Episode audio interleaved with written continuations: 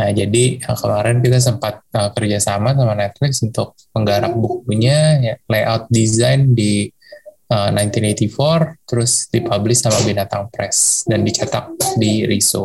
Itu bukunya seru banget, jadi kayak setiap gue baca ada cerita seru gitu. Kayak dia ketemu siapa, habis itu dia berantem sama siapa, itu kayak kisahnya tuh nggak habis-habis gitu loh. Pulang malu nggak pulang rindu. Ini tuh salah satu merch dari ini dari buku kita juga judulnya Tua di Jalan. Jadi biasanya kita kalau bikin uh, kalau terbitin uh, judul baru ada turunannya misalkan kita bikin postcard lah, kita bikin gelas, asbak atau t-shirt gitu ya. Atau topi atau tote bag gitu. Biasanya kayak gitu. Halo teman-teman bagi suara, kalau kalian butuh konseling dengan psikolog klinis profesional, langsung aja ke Jadi Lega di jadilega.setmore.com dan booking appointment kalian.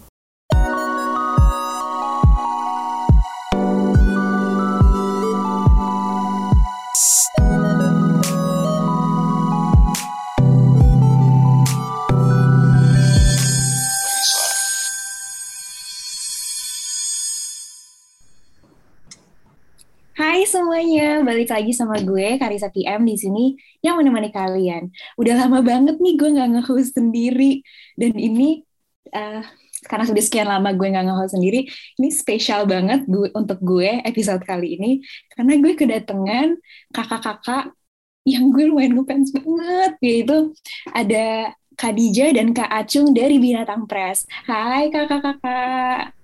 Halo oh. semua. Itu Om Halo. Dija bukan kakak. Oh, Dija ya. Halo Om. Om kayaknya backgroundnya keren banget nih. Apakah ini virtual background? Atau... Oh enggak, ini kebetulan uh, di belakang ada mesin risonya Binatang Press. Emang emang kebetulan lagi di studio juga. Oke. Okay. Gitu. Ada ini ya juga ya, ada rak bukunya juga tuh terlihat. Ya, ada rak bukunya juga. Gampang gitu. Kalau Kak Acung lagi di mana nih? Di rumah gitu. Udah pulang. ya, DJ di kantor aja. Terus-terusan. Kebetulan, kebetulan gue nginep di kantor. Oke, ini ya, 24 hour gitu. Jaga rumah ya, Ditch. Udah feels like home banget nih, eh, binatang press. Jadi sebenarnya binatang press itu apa sih? Uh. Silakan Dija. Boleh di uh, Binatang Press adalah uh, independent publishing sih. Terus ya 70 eh, 80 persen lah uh, rilisannya Binatang Press itu um, outputnya pasti risograf karena di kantor kita kebetulan punya mesin risograf gitu. Tapi yang harus diingat kita bukan percetakan ya. Iya. Yeah. Soalnya banyak banget loh, sering banget yang yeah. datang ke kita untuk uh, oh uh, mau mau cetak dong, mau cetak ini pakai riso gitu-gitu. Soalnya uh, apa karena kita base-nya uh, publishing, mm-hmm. jadi uh, kita nggak terima percetakan. Lagian kalau dilihat uh, uh, mesin kita kan bukan baru ya, jadi uh, kita nggak nge-revamp mesin riso tua tahun 90-an, di mana uh, apa uh, sering ngadat juga kayak apa pun yang ini kan apa pun yang apa uh, jadul gitu ya hmm. harus benar-benar dijaga banget yeah. jadi nggak bisa sembarangan nyetak-nyetak gitu. Oke, okay. kalau misalkan apa namanya dari kan masih sering banget nih datang orang tiba-tiba ucuk-ucuk buat percetakan gitu. Berarti hmm. itu kali apa maksudnya uh, kalian jelasin juga kan tentang apa namanya kalau misalkan kalian bukan percetakan gitu. Tapi kalau misalkan yeah. ada orang maksudnya ada pernah nggak sih ada orang yang langsung bawa karya mereka dan mereka bilang oke okay, gue pengen nih dipublish buku apa karya apa karya gue nih. Bisa bantuin gak gitu.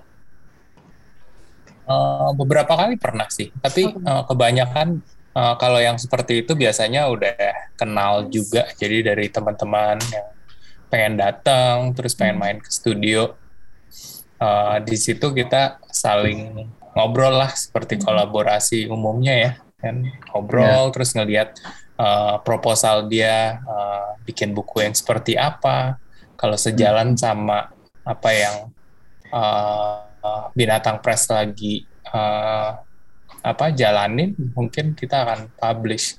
Biasanya sih uh, pengurasiannya kita di binatang press ada tim editor yang uh, akan nge-review proposalnya, terus kita lihat seberapa apa uh, impactfulnya si proposal ini dan inline nggak sama yang kayak gue bilang tadi, inline nggak sama program uh, binatang press gitu. Biasanya malah kalau uh, menurut kita wah seru banget nih untuk mm -hmm. dijalanin, biasanya kita juga uh, dari 1984, which is apa uh, creative, creative consultant yang uh, yang akan bantu bikinin bukunya juga dari hmm. layoutingnya sampai penggarapan uh, bukunya mau jadi seperti apa seperti itu. Oke, okay. Menarik nih karena setahu aku kreatif uh, W uh, 1984 dulu baru binatang press keluar ya. Betul. Terus itu ceritanya gimana sih akhirnya memutuskan untuk bikin binatang press nih gitu? Uh, sesimpel pengen eksplorasi sih pengen eksplorasi di desain soalnya kan kalau uh, yang backgroundnya desain juga mungkin paham apa yang lo bikin di uh, apa apa yang lo bikin di komputer layar komputer itu baru uh, 50% dari hasil karyanya kan jadi uh, apa yang apalagi kalau itu uh, kebutuhannya untuk dicetak gitu. nah uh, waktu itu pas kita mau decided untuk ah kita coba yuk bikin riso itu uh, kita banyak kepengaruh sama karena kita sering ikutan art book fair di luar di Jepang di uh, di uh, apa Seoul juga di uh, di Korea gitu-gitu mereka uh, sangat eksploratif di printed materials apalagi buku-bukunya dan itu kan menunjukkan kreativitas negara mereka juga kan kayak oh anak mudanya lagi bikin apa sih yang seru gitu. Nah sayangnya kalau di Indonesia atau di Jakarta pada zaman itu di 2000-an itu kan uh, media printing masih digital doang. Kayak sayang banget terus kalau hmm, eksplorasinya juga uh, kertas yang dipilih segala macam metode printingnya itu juga nggak terlalu apa ya nggak terlalu eksploratif gitu. Jadinya jadinya kurang seru. Nah dari situ kita berpikir masa kita nggak bisa bikin sendiri gitu kan? Jadi uh, waktu itu idenya dari Wanda sih. Wanda yang menginisiasi. Uh, kita coba cari.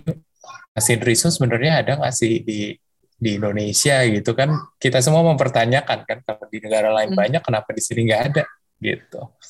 Nah lucunya ini gue jadi cerita terus nggak apa-apa ya kenapa tuh lucunya kenapa kak? Ya, lucunya pas kita nyari uh, research tentang riso di Indonesia, ternyata pemerintah tuh banyak beli mesin riso okay. untuk kebutuhan uh, mm-hmm.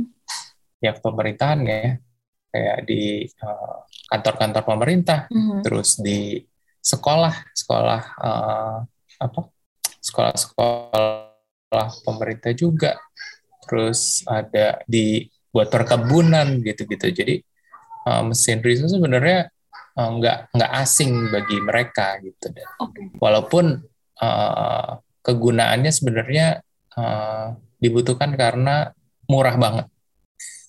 Mm-hmm. Gitu. Jadi nggak uh, pernah dieksplor secara kreatif gitu dengan warna-warna dan soalnya kan uh, mungkin nanti bisa di browsing sendiri mesin Riso itu kayak apa. Jadi mesin Riso tuh satu mesin ada satu drum yang menggunakan satu hmm. warna aja. Jadi untuk punya banyak warna uh, lo harus beli drumnya gitu.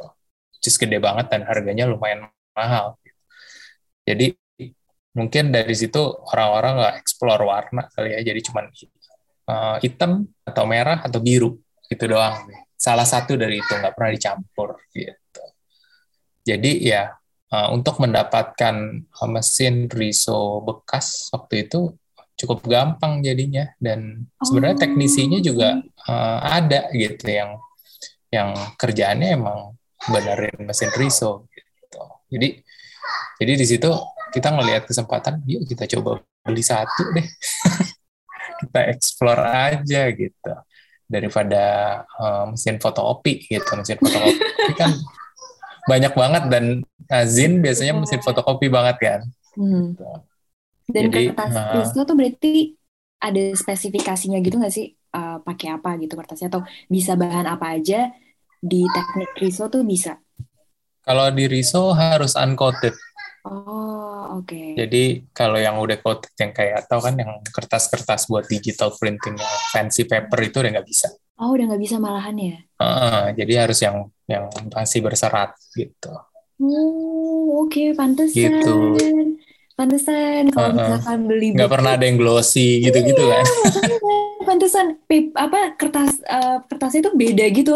Kenapa gitu kayak maksudnya jadi jadi ya jadi terus ada ter, ada tersendiri apa sih namanya ada stylenya tersendiri gitu loh makanya jadi enak mesti kayak kalau dipegang tuh berteks berteks mm -hmm. gitu oh. nah itu juga lucu sih kalau kertas uh, kita hmm? sebenarnya uh, import banyak banget kertas yang menarik menarik tapi nggak dijual secara umum gitu kalau okay. misalnya lo ke Gramedia atau hmm. ke toko buku gitu nggak ada fancy paper atau yang yang biasa kita temuin di percetakan. Kebetulan kan karena hmm. kita base-nya desain dan kita sering berurusan sama percetakan, kita jadi tahu gitu, oh kertas-kertas yang menarik tuh kayak gimana sih, terus apa aja dan bisa dibeli dikit nggak sih? Ternyata hmm. bisa gitu. Jadi uh, itu sesuatu yang uh, apa ya? selalu jadi tugasnya Dija juga nih untuk kumpulin kertas-kertas yang seru apa ya Dice? Wah. Ya kurang lebih kayak gitu. Nah, aku pengen belajar kak, sumpah aku pengen banget belajar soal kertas. Karena menurut aku kayak seru banget gitu loh. Wah gila, aduh. Bener, jadi Kak DJ yang jadi ini ya, uh, in charge of memilih kertas-kertas gitu. Iya, Aw Awanda dan Acung, teman okay. pasti dia mendelegasikannya ke gue gitu buat uh, storage-nya tuh gue yang ngatur lah kayak ini kertas ini buat produksi ini buku ini uh, gramasinya sekian gitu. Wah, oke, okay. keren banget sih. Iya, soalnya aku juga sadar gitu loh kayak di Indonesia tuh banyak publish, maksudnya banyak buku. Oke, okay, tapi kertasnya ya udah kertas biasa gitu. Tapi kalau misalkan aku ke hmm. aku pernah ke daerah Eropa gitu, itu mereka hmm. banyak buku independen independen juga gitu kan. Terus itu tuh yang kayak hmm, lucu-lucu hmm. gitu mereka bener-bener lucu gitu loh terus kertasnya juga ya. banyak variasinya gitu aku kayak hmm. Hmm, bahkan bukan gitu. bukan apa bukan sesuatu yang spesial juga kalau lo lihat uh, selebaran-selebaran hmm. konser di luar gitu ada band ini main gitu atau uh, uh, brosur-brosur museum gitu-gitu di luar juga menggunakan kertas yang menarik dan metode printing yang menarik gitu itu juga yang serunya sih. Gitu. Sayangnya kita di hmm. sini masih digital printing aja semuanya. Kecuali yang anak desain, karena anak desain kan belajar oh, iya. kan tahu ya. gitu. Terus kalau orang awam pengen belajar dari hmm. mana gitu, apakah harus jadi petugas printing percetakan dulu baru bisa? Mungkin bisa datang ke 1984 kerja sama. oh bener nih kak, kalau aku ke Jakarta aku fix bakal nggak apa-apa nggak kalau misalkan aku iya dong main dong aku pengen belajar eh, gimana cara publishing gimana sih tapi aku pengen banget kak kerja di publishing jadi kayak this is one of my dream job gitu. Oke okay, oke. Okay. gitu. Gitu. Terus uh, dari situ ya kita lanjut uh, ternyata bisa kita explore terus uh, kita ngulik banget beli drum-drumnya itu. Kita ke uh, misalnya ke ada waktu itu ke ke Bali, ke Palu, terus ke daerah-daerah gitu yang drumnya ekstra dan gak kepake. Jadi dijual second. Nah, di situ kita beli drumnya yang biasanya kalau mereka nggak pakai drumnya masih kosong, jadi belum ada warna. Nah itu uh, gampang banget untuk kita masukin warna baru. Jadi kalau misalnya drumnya udah ada isinya misalnya hitam gitu. harus kita kuras dulu drumnya sampai bersih. Itu yang sangat sulit gitu untuk masukin warna lain gitu. Jadi uh, pencarian itu juga seru sih di awal-awal mula binatang press. Sekarang kita punya tujuh warna. Ya. Uh, apa aja ya? Hitam, biru, merah, pink, pink. gold, uh, hijau, dan yang paling baru seafoam green. Seafoam green ya. Jadi warna kayak Tosca gitu. Hmm. Lucu banget loh. Dari itu selama proses lima tahun ini berarti ya? Betul. Kita selalu nambah kalau ada uh, rezeki, ada le uh, lebih dikit dari gaji-gajinya Dija, kita beliin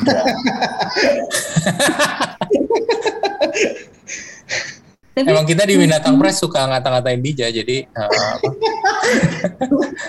seru serunya itu. Ayo kita datang ngobrol sama Dija ya Dija. Iya dong, main dong. Eh sini. jangan mau kalah dong di. Kenapa tuh? Kenapa tuh? Oke. Okay. Fix banget sih, aku pengen banget mm -hmm. gitu. Kenapa sih uh, ingin mempertahankan ken apa teknik risografi ini, kenishan ini? uh, kalau mempertahankan sih apa ya waktu itu uh, kita nggak ada maksud uh, yang kayak wah supaya keren atau apa gitu. Uh, basically uh, awalnya dari uh, apa ya kita sebagai desainer pengen explore gitu, pengen explore sesuatu yang mungkin uh, lebih apa ya uh, pengembangannya bisa lebih menarik, simple itu, terus kita bisa nyoba-nyoba ini dan itu. Dan kenapa kita decided waktu itu untuk jadinya publishing instead of printing juga lucu sih. Jadi waktu itu kita uh, pengen apa ya waktu itu gue pengen involve di community gitu kan. Jadi kayak gimana uh, di dunia atau di industri desain dan grafis ini kita bisa uh, uh, apa ya menyajikan sesuatu yang baru gitu. Soalnya kalau kita ngomong publishing kan selalu sama publishing yang gede-gede tuh yang sering dibahas di iya, podcast ya, ngobrol binatang. bener. Dan dan itu kan jadi momon apa ya monopoli juga mm-hmm. gitu jadi nggak ngasih kesempatan buat yang kecil-kecil jadi kita menurut kita ah lucu kalau kita bikin sesuatu yang uh, nggak perlu disensor-sensor terus uh, uh, kita sangat uh, coba semua yang apa ya yang lebih berani dan uh, lebih fluid juga. Terus nggak harus di di apa ya di setir kanan kiri dan jadi buku yang benar-benar ideal buat kita. Dan menurut kita itu sesuatu yang bisa kita kasih tunjuk ke negara-negara Asia lain sih kayak Jakarta atau Indonesia tuh kayak apa sih hmm. gitu dan, dan terbukti kan iya. kayak kita ikutan art book fair art book fair hmm. di luar juga mereka uh, sambutannya sangat baik sih dari luar. Oh gini, hmm. Indonesia tuh gini, oh ada cerita ini, ada itu gitu. Dan musiknya kayak gini gitu gitu. Itu uh, start pertama kali ikut festival internasional itu kapan dan apa dan kenapa ngikut itu? Itu udah gimana sih prosesnya waktu itu? Um, kalau pertama lokal dulu ya gue ngomongnya. Kalau lokal pertama gue ikut kita ikutan uh, di Bandung Zine Fest. Gue inget hmm, banget. Okay. Uh, outball banget kita uh, sebagai yang bikin buku warna-warni di tengah Zin Bandung mm-hmm. Bandung Zin Fest yang rada uh, hitam putih gitu. Okay. Yang iya kalau Zin kan biasanya yeah, ya sesimpel Zin kan, gitu kan. Uh, kayak fotokopi terus uh, yang penting message-nya terdeliver hmm. se se apa sebebas mungkin lah hmm. gitu kan kayak terus kita datang kucuk-kucuk dengan sesuatu yang warna-warni dan cerita lagu dan uh, desain banget gitu. Itu juga lucu banget sih. Di sana juga kita belajar banyak tentang uh, oh uh, publishing hmm. terus independent publishing kayak gimana, terus suara-suara mereka yang mereka sampaikan kayak gimana. Terus uh, ada uh, apa culture-nya barter buku, trading oh. gitu-gitu. Oh, itu menarik banget. Jadi uh, di Bandung Zinfest berikutnya kita bikin sesuatu yang bisa kita tukar-tukar sama uh, tenan lain gitu. Nah itu yang lokal itu yang pertama kita ikutin dan itu seru banget. Waktu itu juga yang uh, baru mencoba riso ada beberapa di Bandung juga. Hmm. Jadi uh, di situ kita ketemu dan ngobrol. Jadi bisa saling berbagi juga sih. Itu. Itu tahun 2016 berarti ya? Waduh, itu, itu tahun berapa, Dich? Waduh. Kayaknya ya. Kayaknya gue belum lahir tuh. oh iya, Dija. Uh, om-om umurnya tapi absurd banget emang creature satu ini. Enggak, enggak. Kalau kalau international pertama kali kita uh, ikutan itu uh, kalau nggak salah Singapura Art Book Fair deh. Okay. Nah, Nah di Singapura Art Book Fair waktu itu juga uh, menariknya ternyata yang suka zin kita yang berbahasa Indonesia bukan bahasa Inggris itu banyak juga gitu. Kebanyakan dari Malaysia juga. Jadi uh, sesuatu yang oh mereka bisa baca dan nikmatin juga ternyata ya gitu itu sih. Terus sekarang udah ke beberapa kota-kota uh, yang bareng lo di siapa aja? Coba boleh cerita nggak? Hmm, yang bareng gue tuh ada uh, Shanghai Art Book Fair. Uh, Singapura Art Book Fair juga kemarin kita baru ikutan juga. Terus Hong Kong Art Book Fair ya Iya itu seru sih. Maksudnya um, kita bawa buku yang judulnya Azin yang judulnya An Ode to French Chicken. Itu kayak review uh, ayam-ayam yang ada di pinggir jalan gitu kayak sabana, goki, gocikan gitu. gitu. Sambutannya juga dari mereka uh, hmm. sangat antusias banget gitu kayak nggak nggak nyangka aja. Gue yang gue kaget sih maksudnya kayak eh, kok mereka seneng ya beli buku eh beli zin yang uh, yang Indonesia banget gitu. Mm -hmm.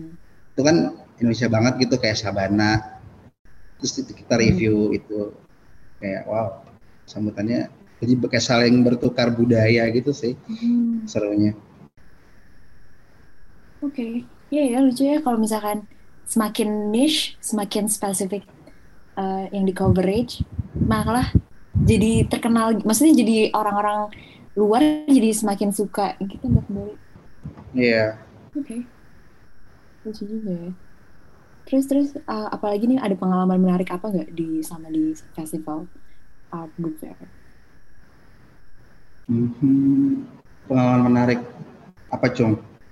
Kalau gue itu sih terus kayak waktu itu ikutan juga di Jogja ada okay. ada cara pop up market itu juga ada beberapa publishing publishing dari Thailand terus dari Singapura juga gitu terus ya sama yang tadi kayak Acung bilang kayak kita jadi kayak tukeran uh, apa yang mereka punya terus kita mm-hmm. tukar juga sama apa yang kita punya jadi sama-sama belajar gitu jadi seru sih oke okay. jadi mengenal culture-nya oke okay. jadi sama di setiap art book festival culture saling barter tuh itu udah pasti ada gitu ya iya iya itu menarik sih itu serunya di situ sih. Kalau di apa Singapura Art Book Fair ada satu area yang lu bisa taruh terus orang bisa ambil gitu. Jadi se se apa ya? Semenarik itu. Jadi bisa macam-macam banget. Gitu. Nggak nggak terlalu apa ya konvensional uh, book fair seperti biasa gitu yang oh, oh jadi ini lebih kalau gua ngelihatnya sangat kreatif. Dan beda negara beda interest gitu. Jadi uh, lucu banget kayak tuh di Taiwan di Taipei. Uh, mereka sangat visual driven. Dan itu juga oh nggak peduli deh tulisannya apa tapi kalau gambarnya lucu-lucu dia suka gitu beda sama misalnya di Korea atau apa di Singapura yang pengen baca gitu. Beda-beda sih. Jadi menarik menarik oke jadi sejauh ini tuh um, masih di lingkaran Asia dulu ya kalau iya. Ya. uh, waktu itu Sebenarnya udah ada rencana ya. Nggak, itu kita juga sempat ikutan juga, cuman kitanya nggak ikut terbang ke sana ke London Art Book Fair. Jadi dari Kemencraft tuh um, melihat beberapa judul kita, terus kayak dipilih satu, terus di, mereka bawa untuk mewakilkan. Gitu. Jadi ada beberapa publishing dari Indonesia yang jadi setiap publishing tuh di ngirimin satu judul atau dua judul gitu. Akhirnya kita ikutan lah dengan judul Icon Rumor di bawa ke London Art Book Fair gitu. Pengennya sih ikutan, cuma waktu itu nggak boleh sama Acung. Nggak boleh sama istrinya, soalnya sering.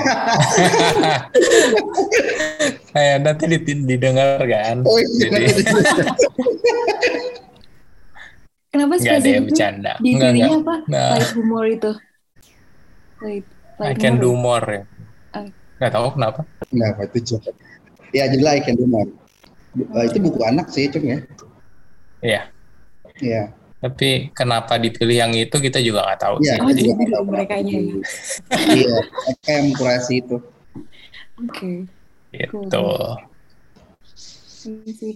Aku pengen tahu juga kan ada salah satu buku uh, namanya Guide to Sanity oleh Liz Landora. Aku punya tuh bukunya.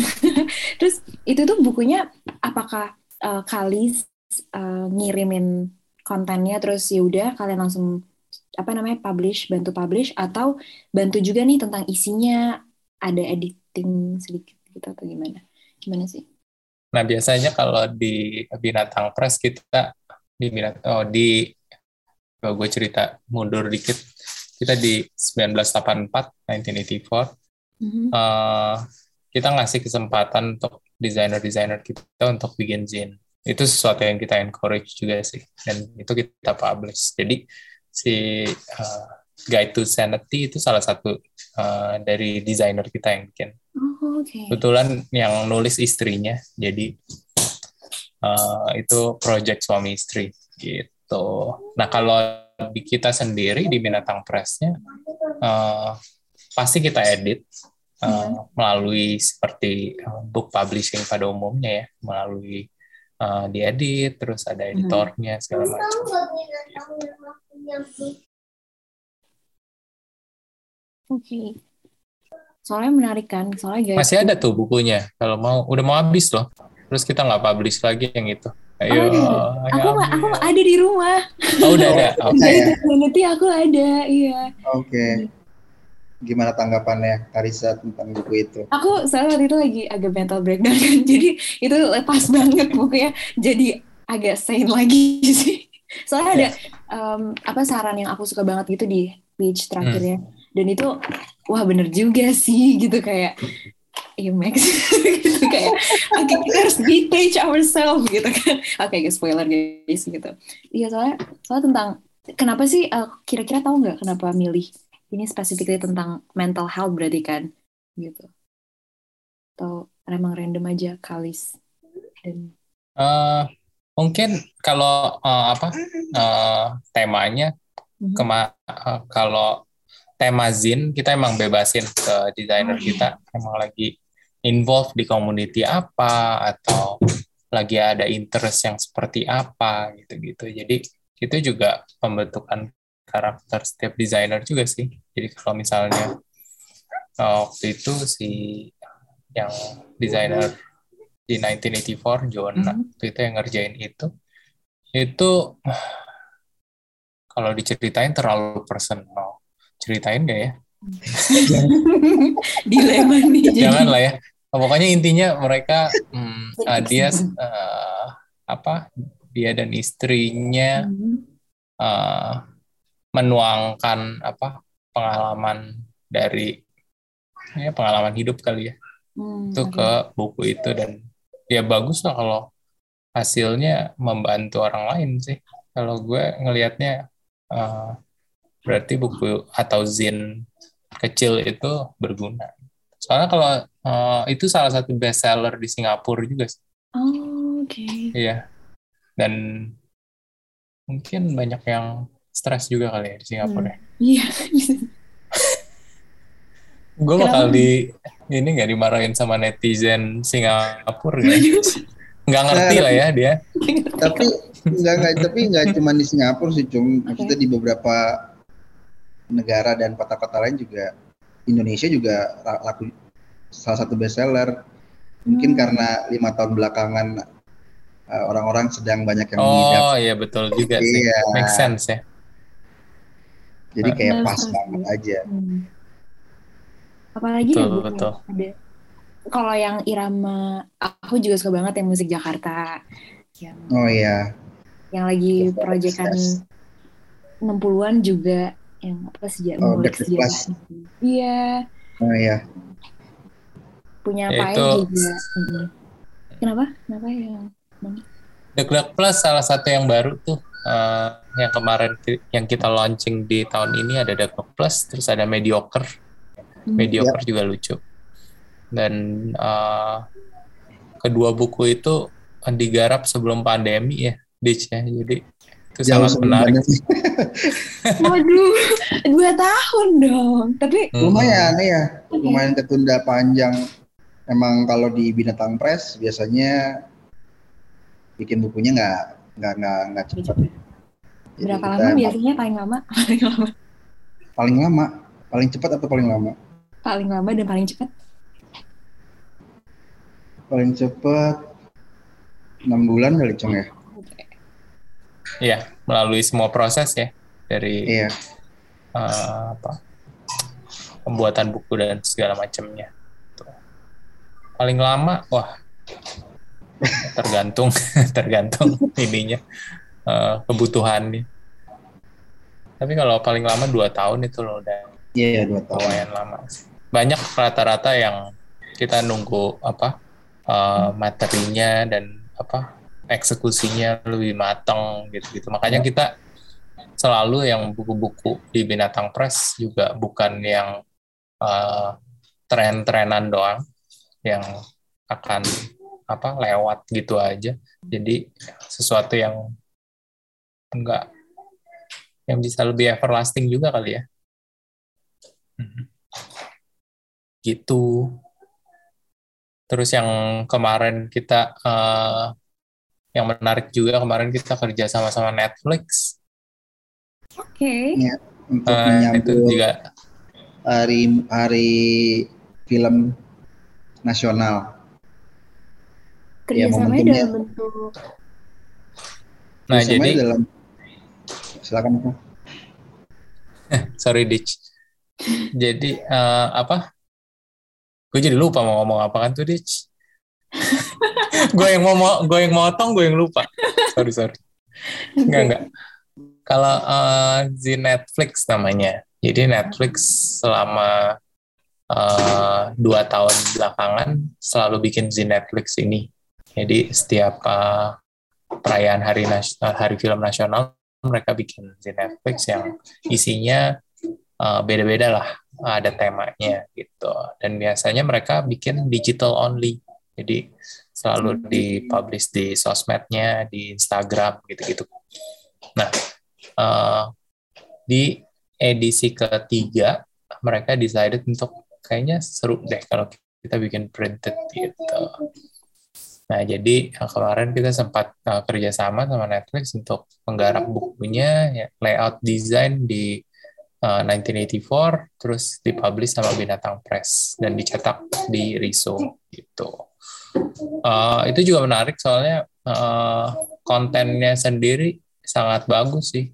Mereka yang mengkurasi dan ngajak penulis-penulis yang biasa menulis tentang film, menulis tentang jatuh bangunnya sinema di Indonesia gitu. Jadi kalau lebih ada sejarahnya juga sih kayak gimana di uh, 90-an bahkan lebih tua di 80-an, 90-an, 2000-an sampai sekarang tuh uh, jatuh bangun desainnya seperti apa. Itu tema uh, Zen Netflix di edisi 3.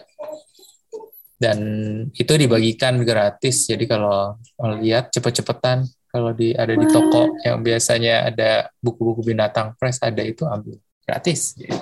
Oh, Jadi cek. Aku, iya, kok aku nggak lihat ya, aku belum ke toko lagi, ke toko buku lagi, makanya nggak nemu kali ya. Oke, okay.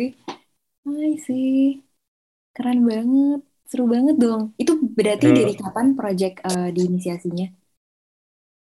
Itu tahun ini, itu salah satu yang paling cepat sih.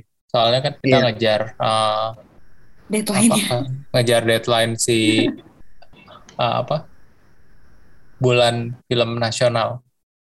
Iya. Oh, itu iya, bulan apa ya di kemarin? Maret ya? Maret, Maret kalau nggak salah. Ya.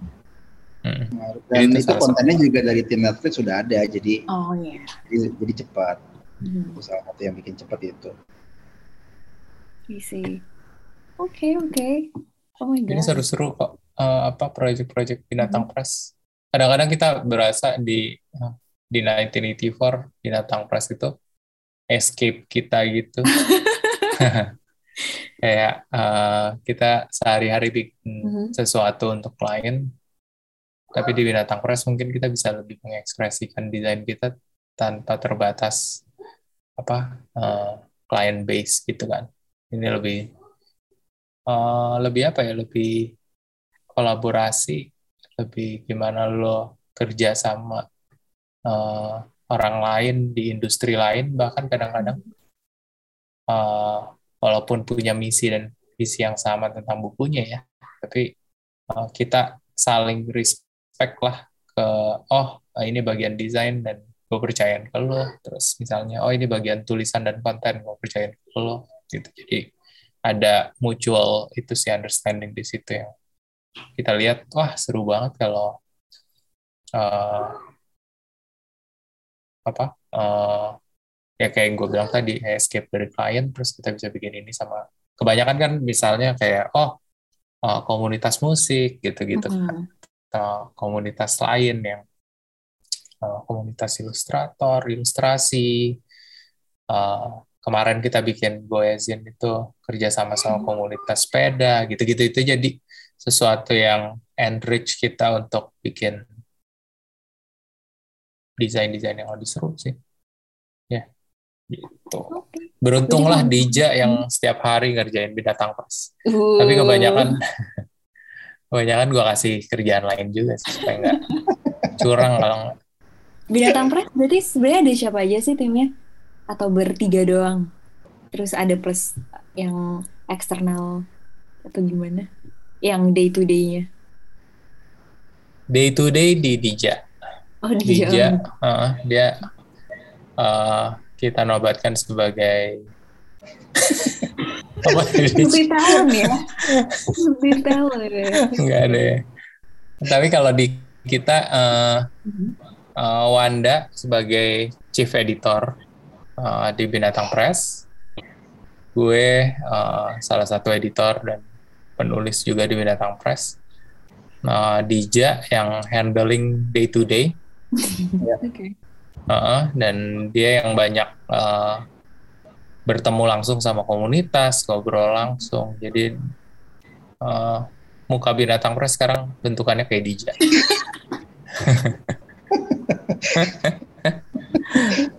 gitu. Tapi uh, di selain dari itu kita selalu nginvolve uh, desainer dan kreatif di 1984 juga untuk uh, jadi backbone di itunya sih di kreatifnya gitu. I see. Kalau kolaborator udah banyak sih dari luar. Udah yang pasti sering ya. uh, penulis yang salah satu yang sering kerja bareng kita si Felix Das itu yang ikutan yeah. di podcast itu juga seru. Gitu. Uh, kita kecil banget uh, apa makanya kita nggak nggak bisa uh, apa ya nggak bisa publish terlalu banyak buku juga hmm. jadi setiap tahun kita ada targetnya uh, berapa buku yang mau kita publish berapa zin yang kita mau publish itu yang bisa uh, bisa kita capai kali ya nggak nggak semuanya melulu tentang banyaknya buku yang kita bikin gitu. Oke, jadi kalau misalkan ada nih teman-teman bagi suara pengen punya konten gitu, terus ada punya karya, itu bisa nggak kira-kira kayak submit ke Binatang Press? Dan gimana tuh prosesnya? Apakah harus kirim email atau bisa langsung aja datang ke tempat Binatang Press HQ? Gimana? Ditch, gantian lah gue udah gue mau minum dulu ya. Iya. Iya biasanya sih bisa kirim manuskrip uh, via email. Lalu dari dari manuskripnya kita coba review bareng sama tim yang ada di sini.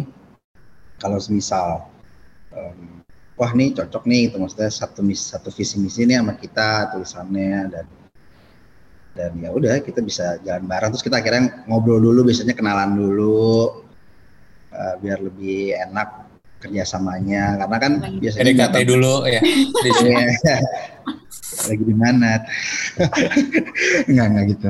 Maksudnya ya ya biar lebih akrab lah gitu kan. Karena kan kita bakalan berkolaborasi bareng gitu. Jadi ya udah kita ngobrol-ngobrol nyamain visi misi habis itu ya udah baru kita obrolin apa yang mau kita buat biasanya gitu By the way, Khadijah, itu tulisan bajunya apa?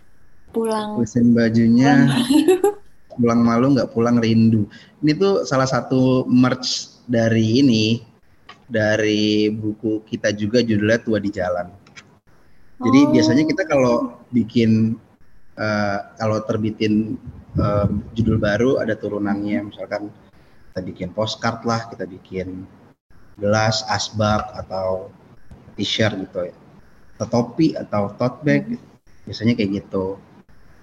Jadi nggak cuman kita rilis bukunya doang. Biasanya kita bikinin launchingnya habis itu ada tuh kita jualan juga merch merchandise-nya gitu gitulah Biar bisa satu paket gitu ya, asik. Iya. Biar bisa lebih seru. Launching biar bisa party. Ya. Iya jadi kan biar bisa banyak community yang ikutan juga karena kan ya binatang press pasti community base gitu Mhm. kayak misalkan eh, buku Goezin, eh, zinnya Goezin gitu kan community base banget tuh sepeda. Kalau kita bisa kerja sama sama em, apa eh, merek tas gitu atau merek botol minum gitu misalkan kan itu lebih seru gitu kan nggak cuman kita keluarin terus kita juga bisa ngangkat eh, brand itu juga gitu Hmm. jadi sama-sama lah Sama-sama. Ya, untung lah ya. Gitu. Oke, oke. Aku punya ice breaking questions nih. On a Hmm. scale of 1 to 10, how much library atau book corner is important at places dan kenapa? kenapa yo Ditch? kenapa ya Acung boleh jawab dulu Cung karena Acung yang suka baca. Gue tuh em, baru suka baca atau dicekokin baca ketika gue masuk binatang press. Oh, Tadinya gue gak suka baca, iya. Terus tapi gua sukanya apa, apa maksud sukanya main. Nggak nggak suka. Iya, gue lihat visual gitu tuh gue lebih suka. Terus ketika masuk binatang press yang publishing ya otomatis harus harus suka baca kan. Ya, terus Hmm. Acung mulai cekokin gue dengan berbagai macam buku-bukunya Acung. Acung tuh suka banget baca dan Wanda. Jadi gue diajarin banyak baca tuh sama Acung dan Wanda. Jadi untuk pertanyaan ini sepertinya Acung lebih bisa menjawab. apa pertanyaannya tadi lupa udah skip udah udah malam that? Yeah, how much uh, library atau book corner is important at places bisa kafe, bisa Hmm. uh, apa namanya rumah dan um, gue sih ten dong oke. Nah, kalau menurut gue penting banget sih, ya, apalagi dalam bentuk cetak ya. Kalau eh, kalau gue sama Felix selalu nyebutnya, mungkin kalau di WC lu ada buku-buku boker ya.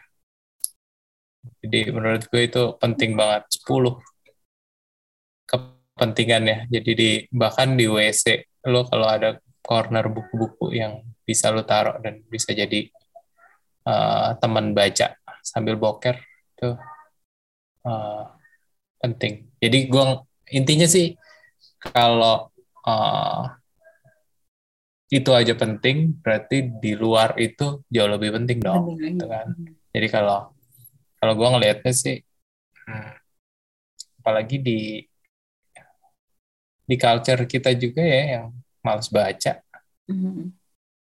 Jadi orang-orang apalagi dengan adanya banyak yang sosmed banget gitu kan, TikTok dan kawan-kawan gitu. Jadi uh, membaca itu jadi sesuatu yang kurang seru gitu kayaknya. Jadi kalau menurut gue sih penting untuk ada. Jadi uh, di tempat umum, di kafe-kafe, di mana pun, kalau ada dan orang bisa punya option yang lain daripada handphonenya depan mata, hmm. itu mungkin bisa sangat menarik sih untuk untuk apa ya? Ya untuk pendidikan dan untuk uh, uh, eksplorasi di desain, di di tulisan dan lain-lainnya gitu. Oke. Okay. iya soalnya kan kayak terus ya ada tempat dulu tuh kalau misalkan aku ke salon, maksudnya kayak ada beberapa tempat gitu suka ada kayak rak komik gitu biasanya tempat buku maksudnya hmm, hmm. gitu sih buku-buku gitu di salon bukannya kebanyakan itu majalah yang iya, isinya gambar-gambar rambut dan Tergantung salonnya ya. Iya, Gue salah masuk salon.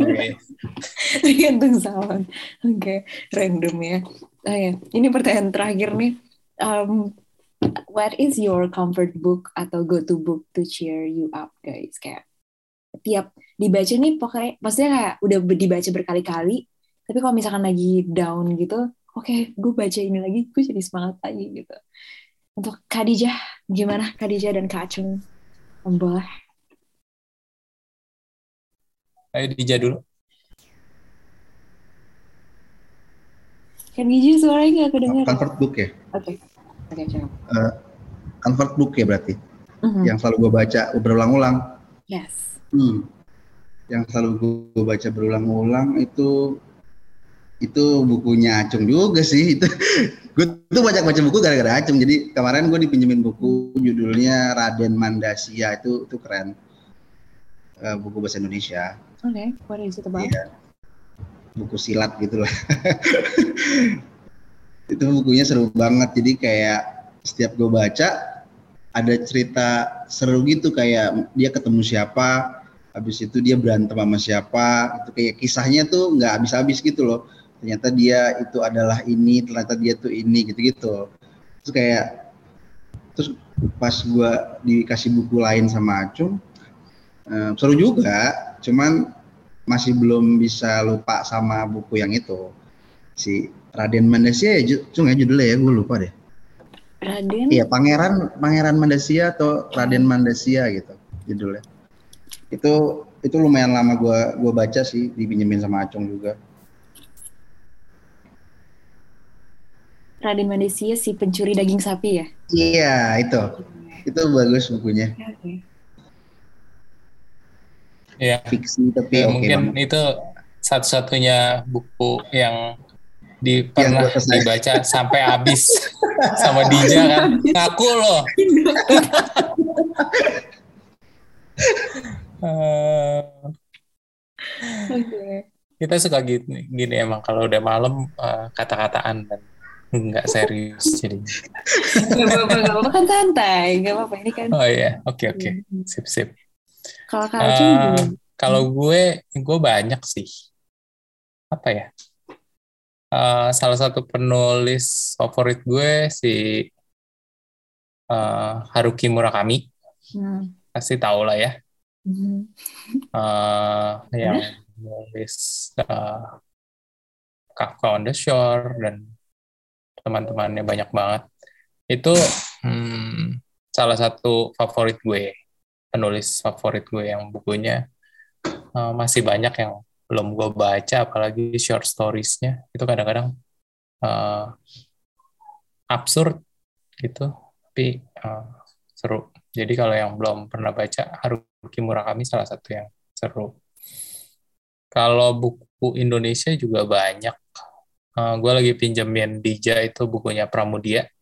Uh yang mana tuh? Yang uh, semuanya waduh ada empat sih ya Ada banyak langsung dijadilin ya. Lumayan. ya. Bumi manusia Jadi, tebel uh, banget. Udah selesai belum di balikin dong buku gue. Nggak usah dibahas di podcast dong. oh nggak usah ya, oke oke.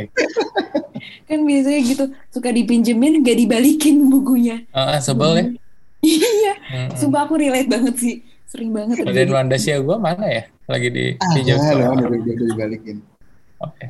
udah dipinjam sama yang lain juga. Uh, terus uh, banyak sih, apalagi ya kayak Negat, terus apa lagi ya? Banyak macam-macam. Gue banyak baca. Uh, sekarang gue malah lagi sering baca science fiction. Kayaknya relate sama pandemi. Jadi gue suka. Salah satu yang gue lagi baca itu apa ya? Sebelah gue. Ada bukunya. Andy Weir kalau tahu.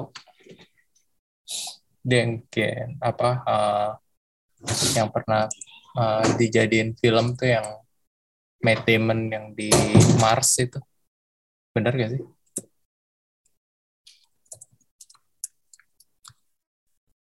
The Martian. Hmm.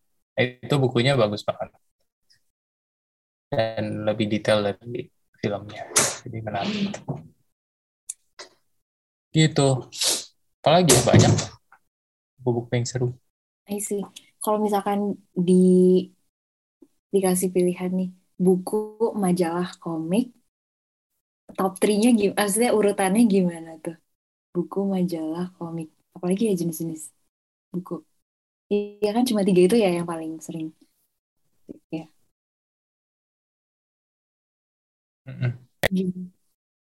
apa ya? Uh, kalau pribadi ya kalau gue pribadi buku dulu uh, komik baru majalah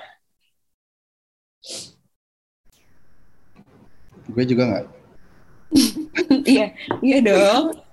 Lu komik-komik dan komik kan? nah, justru gue komik paling terakhir kayak gue majalah, buku baru komik. Oke. Okay. Kenapa? Majalah? Majalah apa? Ayo. Wah, majalah kan banyak. ya. Ada yang ditaruh di bookshelf, ada yang ditaruh di uh, bawah ranjang. Oh, ya. Cuma makanya DJ majalah dulu. Iya, iya. Karena dan gosip aja kali ya, jadi majalah dulu. Hmm. Oke. Tentu saja ya. Oke, oke. Ternyata udah 50 menit nih suka begitu ya. Aku suka karena kasihkan jadi lupa waktu gitu. Thank you banget Kak DJ sama Kak Acung udah main-main ke bagi suara dan semoga Thank kita you. beneran bisa ketemu real life gitu. Aku pengen banget belajar soalnya di binatang press amin gitu. Thank bang oh ya, ya jangan main lupa. aja. Hmm. jangan lupa banget teman-teman bagi suara. Bisa banget cek buku-buku binatang press di di mana ya? Di post press di binatang press eh, binatangpress.com juga binatang, bisa. binatangpress.com terus atau di Tokopedia bisa Tokopedia, juga okay. kalau mau beli sama di Instagram okay. Instagram Binatang Press at Binatang Press. Ya, at Binatang Press. Hmm. Dan juga binatangpress.com. Kalau websitenya binatangpress.com. Oke, tuh teman-teman bagi sore jangan lupa ya untuk follow dan bisa langsung browse dan beli gitu buku-bukunya karena keren-keren banget. Bener-bener eye open, ya, bikin perspektif baru lah insight baru. Dan teman-teman Bagi Suara juga jangan lupa follow Instagram at Bagi Suara dan Twitter at Bagi Suara. Oke, okay, sampai jumpa. Thank you sekali lagi Kak Dija dan Kak Acu. Thank you.